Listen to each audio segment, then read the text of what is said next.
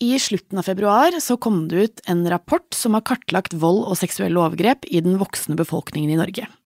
En av fem norske kvinner oppgir at de har blitt voldtatt, en dobling på ni år. Kun én av ti oppsøkte helsehjelp etter voldtekten. Bare 4% av voldtekts- og overgrepsutsatte opplevde at gjerningspersonen ble dømt. Tallene fra den rapporten viser at enten du eller noen i vennegjengen din sannsynligvis har vært offer for vold. Det syns jeg er kjempeskummelt. Jeg kjenner at jeg må grave litt mer i hva denne rapporten egentlig sier. Hva er de største utfordringene vi har nå, og hvilke tiltak må til for å bedre situasjonen for alle? Det skal jeg finne ut av i denne episoden når jeg skal snakke med forsker Ida Frugård Strøm. Verdens helseorganisasjon løfter jo det slik for som et eh, betydelig folkehelseproblem og et likestillingsproblem. Generalsekretær i Plan, Kari Helene Partapoli. Det er veldig effektivt fordi du, du, får på en måte lagt skam på både kvinnene, men også på, på samfunnet. Og samfunnsdebattant Kristina Frås, som selv er offer for blind vold. Å få en knyttneve i trynet, det er kjipt. Mm. Men den knyttneven fra politiet, mm. det var noe helt annet. Dette er F-ordet, podkasten som gir deg kunnskapen du trenger for å stå støtt i diskusjoner om likestilling. Jeg heter Pernille Kjølberg Vikørn, og denne podkasten er laget i samarbeid med Plan.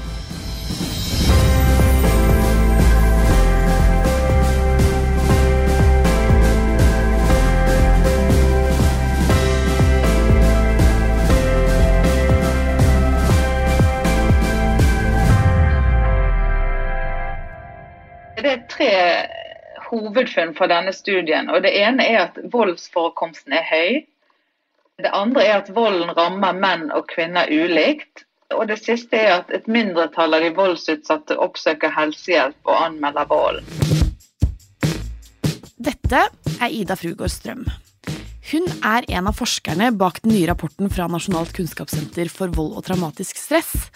Og hun har jo dypere innsikt enn det vi har i hva denne rapporten sier.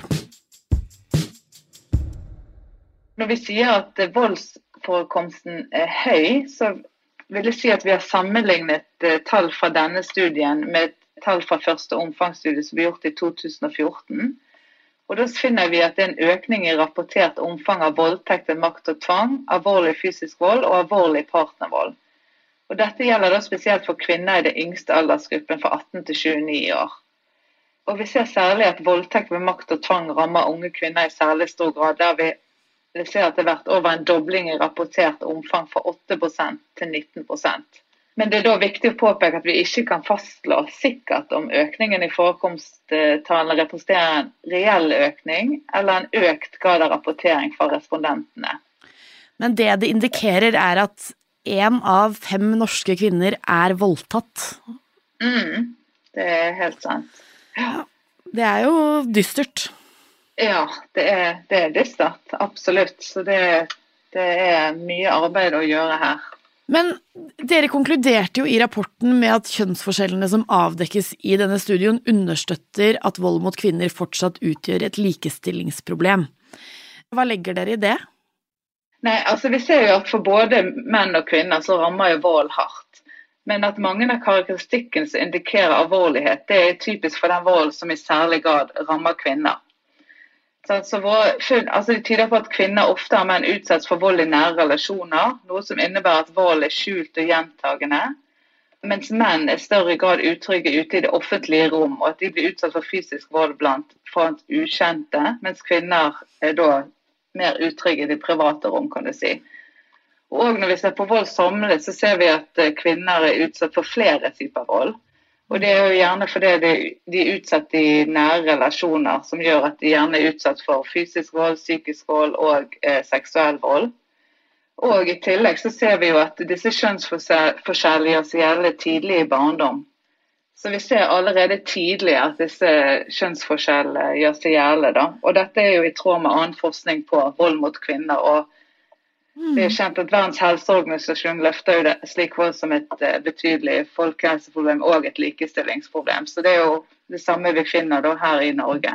Men hvorfor er det på en måte kvinner som er mest utsatt? Fordi det er jo helt tydelig at gjennom Altså tallene og funnene viser jo at eh, kvinner er mest utsatt, men hvorfor er det sånn?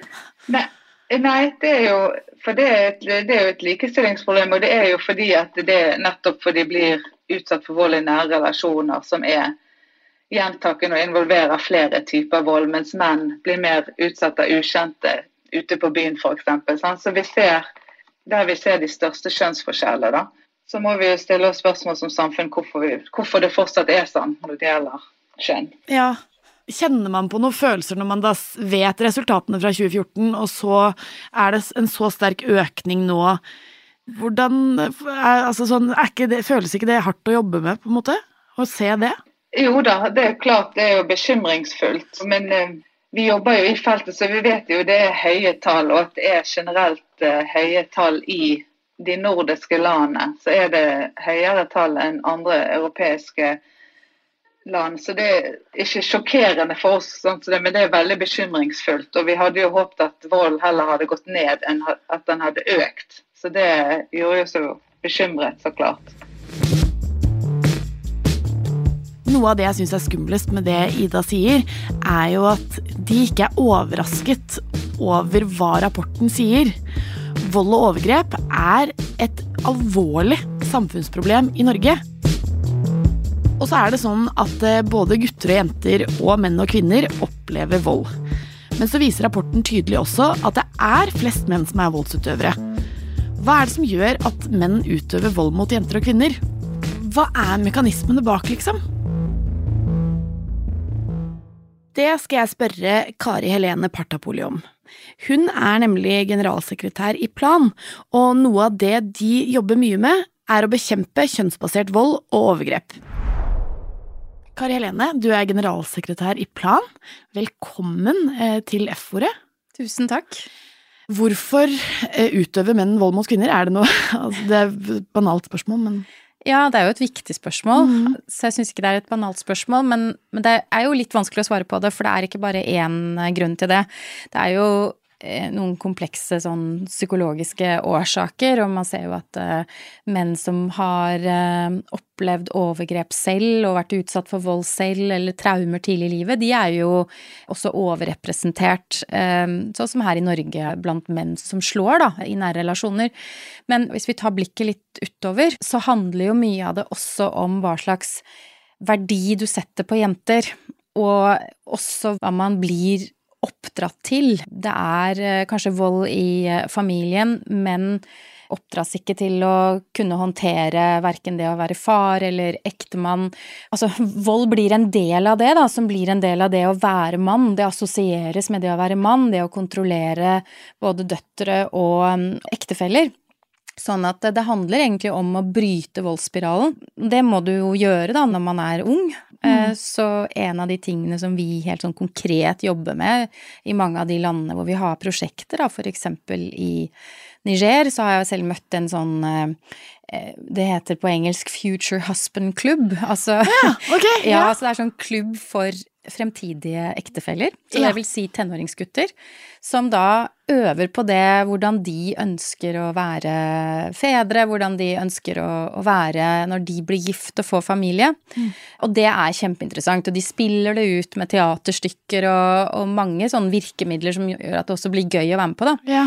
Og de snakker jo veldig nettopp bearbeider dette her med at ja, men de selv har jo ikke hatt kanskje en far som har lekt med de, de har blitt hardt disiplinert, det, det er det de har lært, ikke sant. Og de ønsker å bryte denne spiralen, de ønsker egentlig å gjøre noe annet.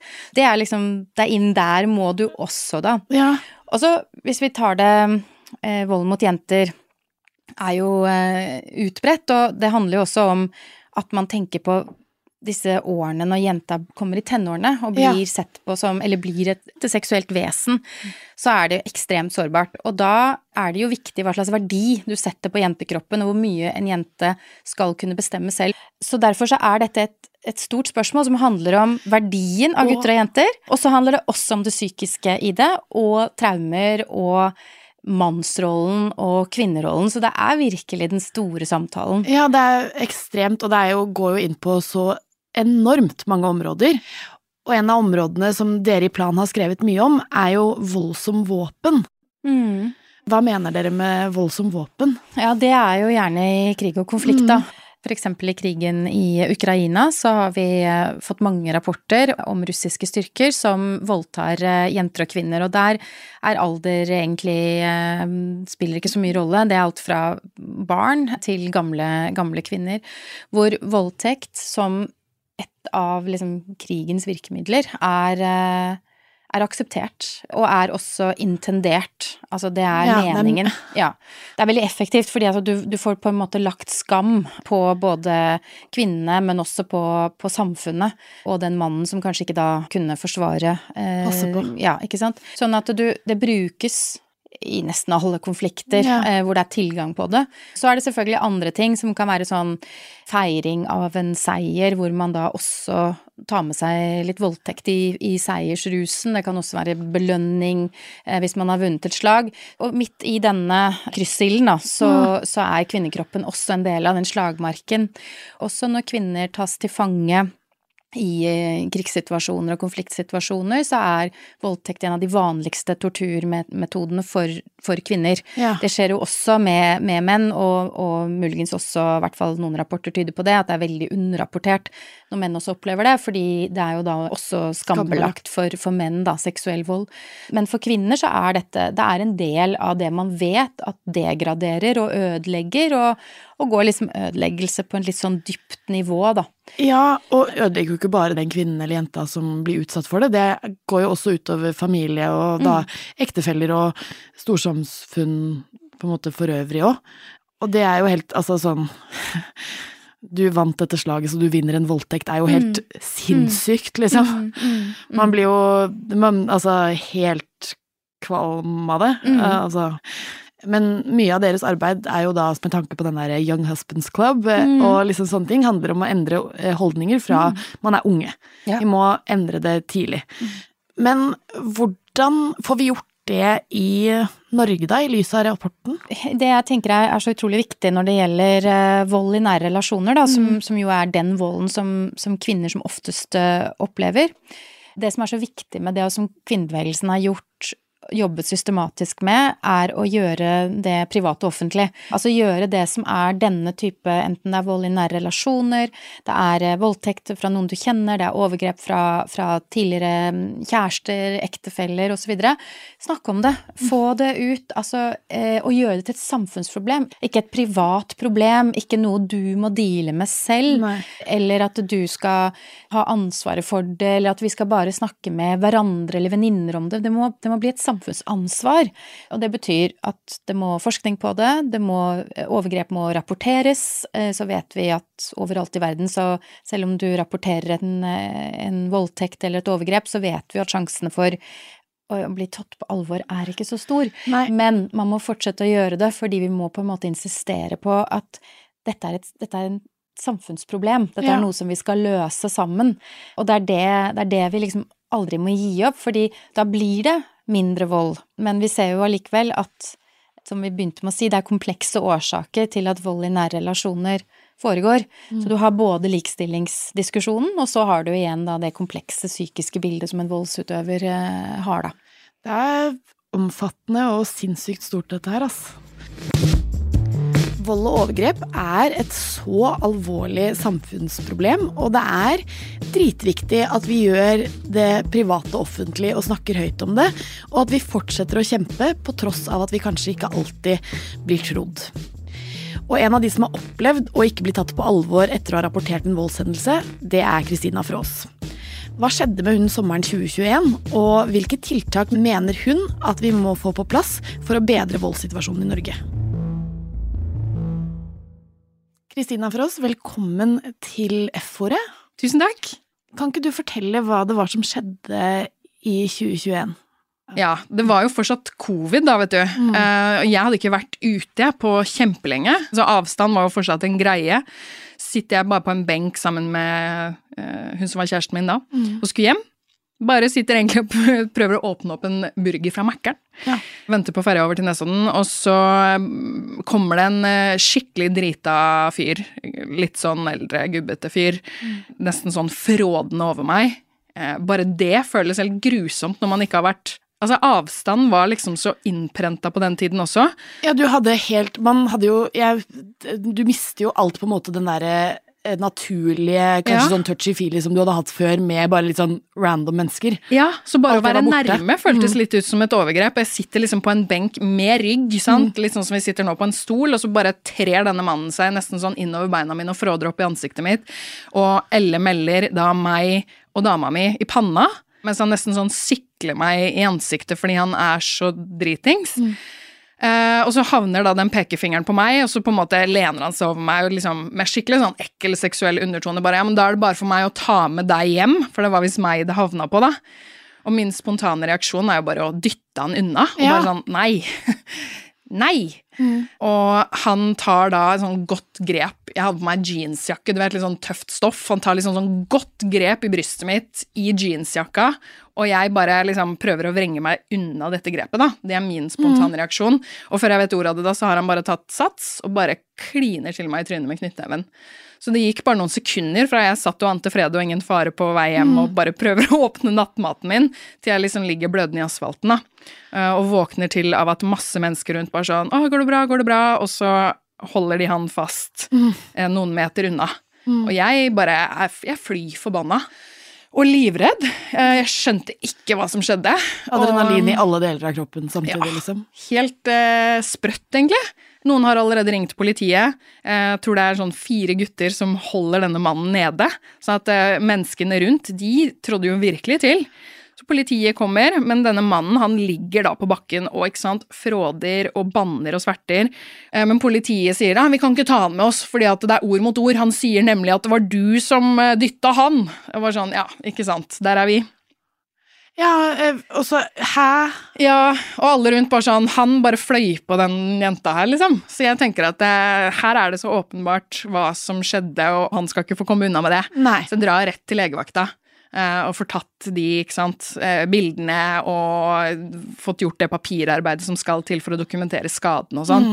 Eh, for jeg blødde jo i ansiktet, og det var jo ikke god stemning. Nei. Og så delte du det ganske kjapt også på sosiale medier. Ja, jeg delte det ganske kjapt på sosiale medier, fordi allerede morgenen etter så begynte egentlig journalister og sånn å ringe meg, som var veldig ubehagelig, sånn at jeg følte litt for å få kontroll på min egen situasjon. Ja.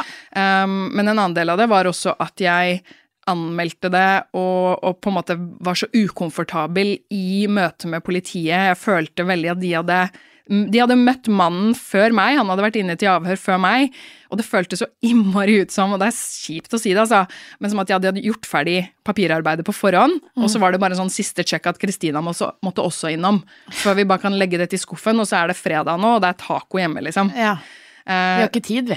Det kjentes veldig sånn. Eh, sånn at politiet hadde allerede skrevet en avhandling fra denne mannen som ikke lignet på virkeligheten i det hele tatt, og de hadde videoovervåkning, og de hadde masse vitner og sånn, men eh, historien ble på en måte allikevel vinklet i veldig gal retning, da. Ja, I hans favør. I hans saken favør, ble jo henlagt, ble den ikke det? Jo, saken ble henlagt, og jeg klagde, og saken ble henlagt igjen. Så um, dette var liksom saken hvor alt var på sølvfat. Ja. Det var video, det var uh, uavhengige vitner, og det var kjæresten min. Ja. Ikke med et eneste vitne. Til og med videoen, liksom, viser jo at Ja. Ja. mm, Da jeg klagde andre gang Altså, man får jo ikke noe grunn for at uh, saken blir henlagt hos politiet før du klager. Da må de på en måte si jo, vi, vi fortsetter å henlegge saken pga. dette.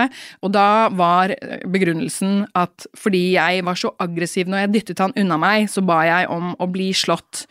Og da kjente jeg så innmari på at eh, jo da, å få en knyttneve i trynet, det er kjipt, men den knyttneven fra politiet, det var noe helt annet. For jeg føler det jo ikke som et svik at en eller annen drittfyr som bare kommer bort til meg på Aker Brygge, slår meg ned. Nei. Selvfølgelig så føler jeg meg utrygg ute. Eh, det har en påvirkning på meg, men det at systemet svikter, det var liksom noe annet. Så jeg bare følte veldig for å faktisk fortelle min historie, som er så åpenbar. ja. Ingen gråsoner. Nei, det er ikke det. Allikevel så fikk politiet meg til å tvile på meg selv, og jeg tviler egentlig ikke så innmari mye på meg selv, men da satt jeg faktisk og stilte spørsmålstegn med ja, kanskje jeg var litt for aggressiv, liksom. Ja. For hva har dette gjort med deg i etterkant? Hadde det ikke vært for mine venner og de folka som følger meg, som bare Nei, her har du rett, Kristina, så hadde jeg antageligvis sittet og stilt mer spørsmålstegn ved meg selv. Mm. Men jeg fikk den enorme backingen. Men det jeg i tillegg fikk, var enorme mengder med historier inn i innboksen min som ligner. Ja. Sånn at jeg skjønte at jeg har nok kanskje mistrodd eh, mennesker som har blitt utsatt for noe helt sinnssykt urettferdig, og tenkt at det faktisk var mangel på bevis. Mm. For når jeg så min egen sak, hvor det på ingen måte er mangel på bevis min sak blir henlagt, så skjønte jeg alle disse her menneskene har, har antageligvis også urettferdig kanskje henlagte historier, eller i hvert fall historier som har en stor verdi, da. Ja. Ikke alle har den plattformen jeg har, ikke alle får den backingen som jeg fikk. Og det var faktisk sånn alfa og omega for hvordan jeg følte meg etterpå, da. Mm. Og det ble litt sånn startskuddet for da 1000 historier som du har startet sammen med fire andre. Ja, det ble det. Um, da jeg kom litt på oppsiden energimessig, så satt jeg og grubla innmari på hvordan i alle dager kan vi bruke dette til eh, en brekkstang for endring. Og bestemte meg for å lage en, eh, et prosjekt som heter 1000 historier, hvor vi i første omgang planlegger å dele 1000 historier eh, om vold og overgrep. Og eh, enten saker som har blitt urettferdig henlagt, eller hvor man kanskje har valgt å ikke anmelde, fordi det er veldig mange som ikke tror at det er vits i, eller ikke har overskudd til å gjøre det fordi det er så krevende. Um, og så lagde jeg meg en liste på hm, hva slags mennesker trenger jeg hjelp av for å få til dette. Og så spurte jeg alle på lista, og alle sa ja. Og da var vi live bare en uke senere. Ja. Så eh, ja, Og nå har dere delt ganske mange historier allerede. det har vi. Og så, har vi og så må jeg si det, vi har måttet ta en liten pause, for det kom så mange. Ja. Eh, så jeg har måttet sette det i et bedre system. Så Ja. rett rundt hjørnet nå så er det en nettside hvor vi kan ta imot historier på en bedre måte. ja. Men vi har delt ganske mange historier allerede, og vi har veldig mange flere liggende som vi må bearbeide litt. For det er jo også litt sånn, det ligger et ansvar i det å anonymisere lite grann. Mm. Men eh, det som er veldig sånn symptomatisk for disse historiene, er at hver enkelt som sender sin historie inn til kontoen vår for at vi skal dele den, starter historien sin med å si 'jeg vet ikke om min historie er ille nok'. 'Jeg vet ikke om det jeg ble utsatt for, egentlig er like ille som de andre, men her er historien min'. Og det kjenner jeg meg så igjen i, ja. at liksom Kanskje bare jeg tror at det var alvorlig, men det ble ikke tatt alvorlig. Så kanskje ikke min historie er verdt det, på en måte. Nei. altså, Nå gråter du, og det skjønner du for det. Ja. jeg blir så Det er så trist fordi man Det er så mange som liksom skylder på seg selv. Og er det så rart at vi skylder på oss selv når systemet forteller oss at Altså, på en måte så bekrefter eh, politiet og systemet at det ikke var alvorlig nok, når det ikke blir tatt alvorlig, da. Ja. Og da er det ikke så rart at vi sitter alene, men vi er sammen, men vi føler oss så innmari alene. ja. Og så er dette på en måte Egentlig standarden for så mange. Det som er fint med det, er at en, et overgrep eller ja, en voldsepisode, hva som helst, eh, det føles jo bare ut som en stein i skoen, et gnagsår, en skikkelig drittopplevelse, bare noe dumt. Og så mange sitter og eier en sånn historie, og eier et sånt gnagsår, mens eh, jeg opplever at når folk sender inn historiene sine til oss, så får opplevelsen i hvert fall noen form for verdi. Ja. Og det er det mange som sier at ehm, hvis dette kan hjelpe noen andre i å føle seg mindre alene, så er det i hvert fall godt for noe.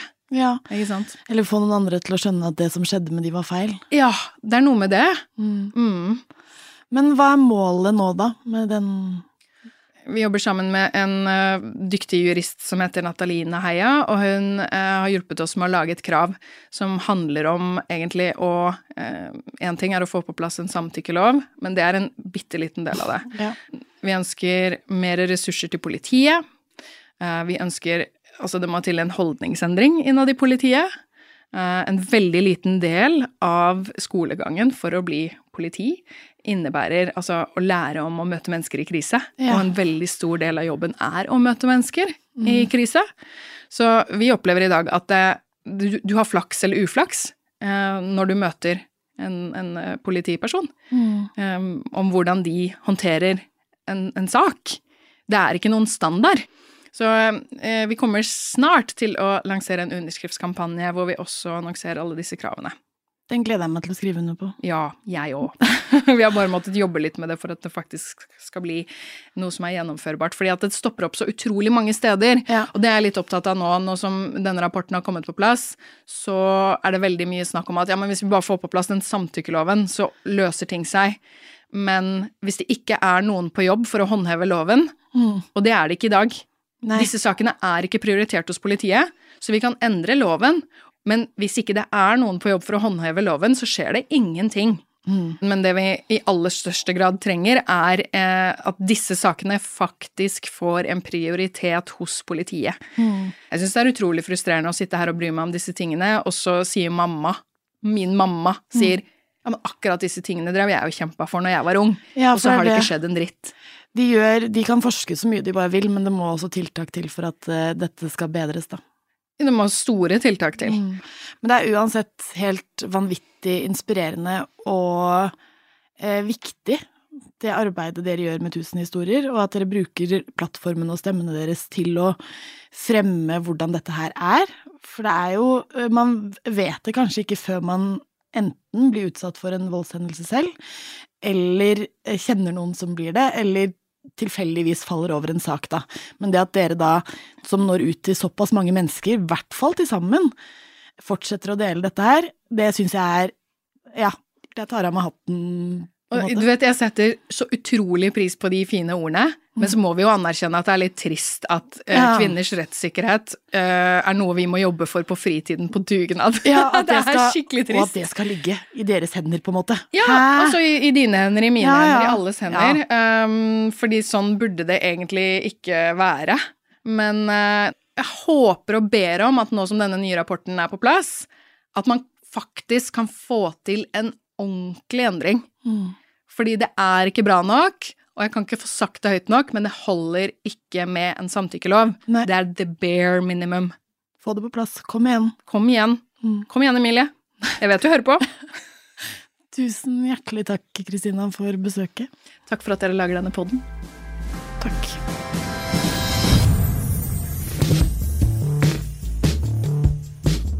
Det å snakke med Kristina, det setter liksom ti kniver i hjertet, fordi bare det at alle som sender inn historier til 1000 historier, begynner historiene sine med 'jeg vet ikke om dette er ille nok', men det knuser hjertet mitt, for å være helt ærlig. Jeg tror på en måte det minste vi kan gjøre, er å tro på mennesker som kommer og forteller at de har vært utsatt for voldshendelser. Vi er nødt til å tro på de. Og jeg håper så inderlig at denne rapporten her gjør at tiltak blir satt til verks.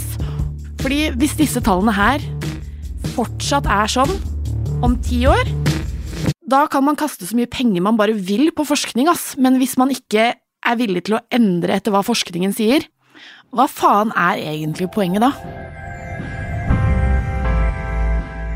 Jeg heter Pernille Kjølberg Vikørn, og denne podkasten er laget i samarbeid med Plan.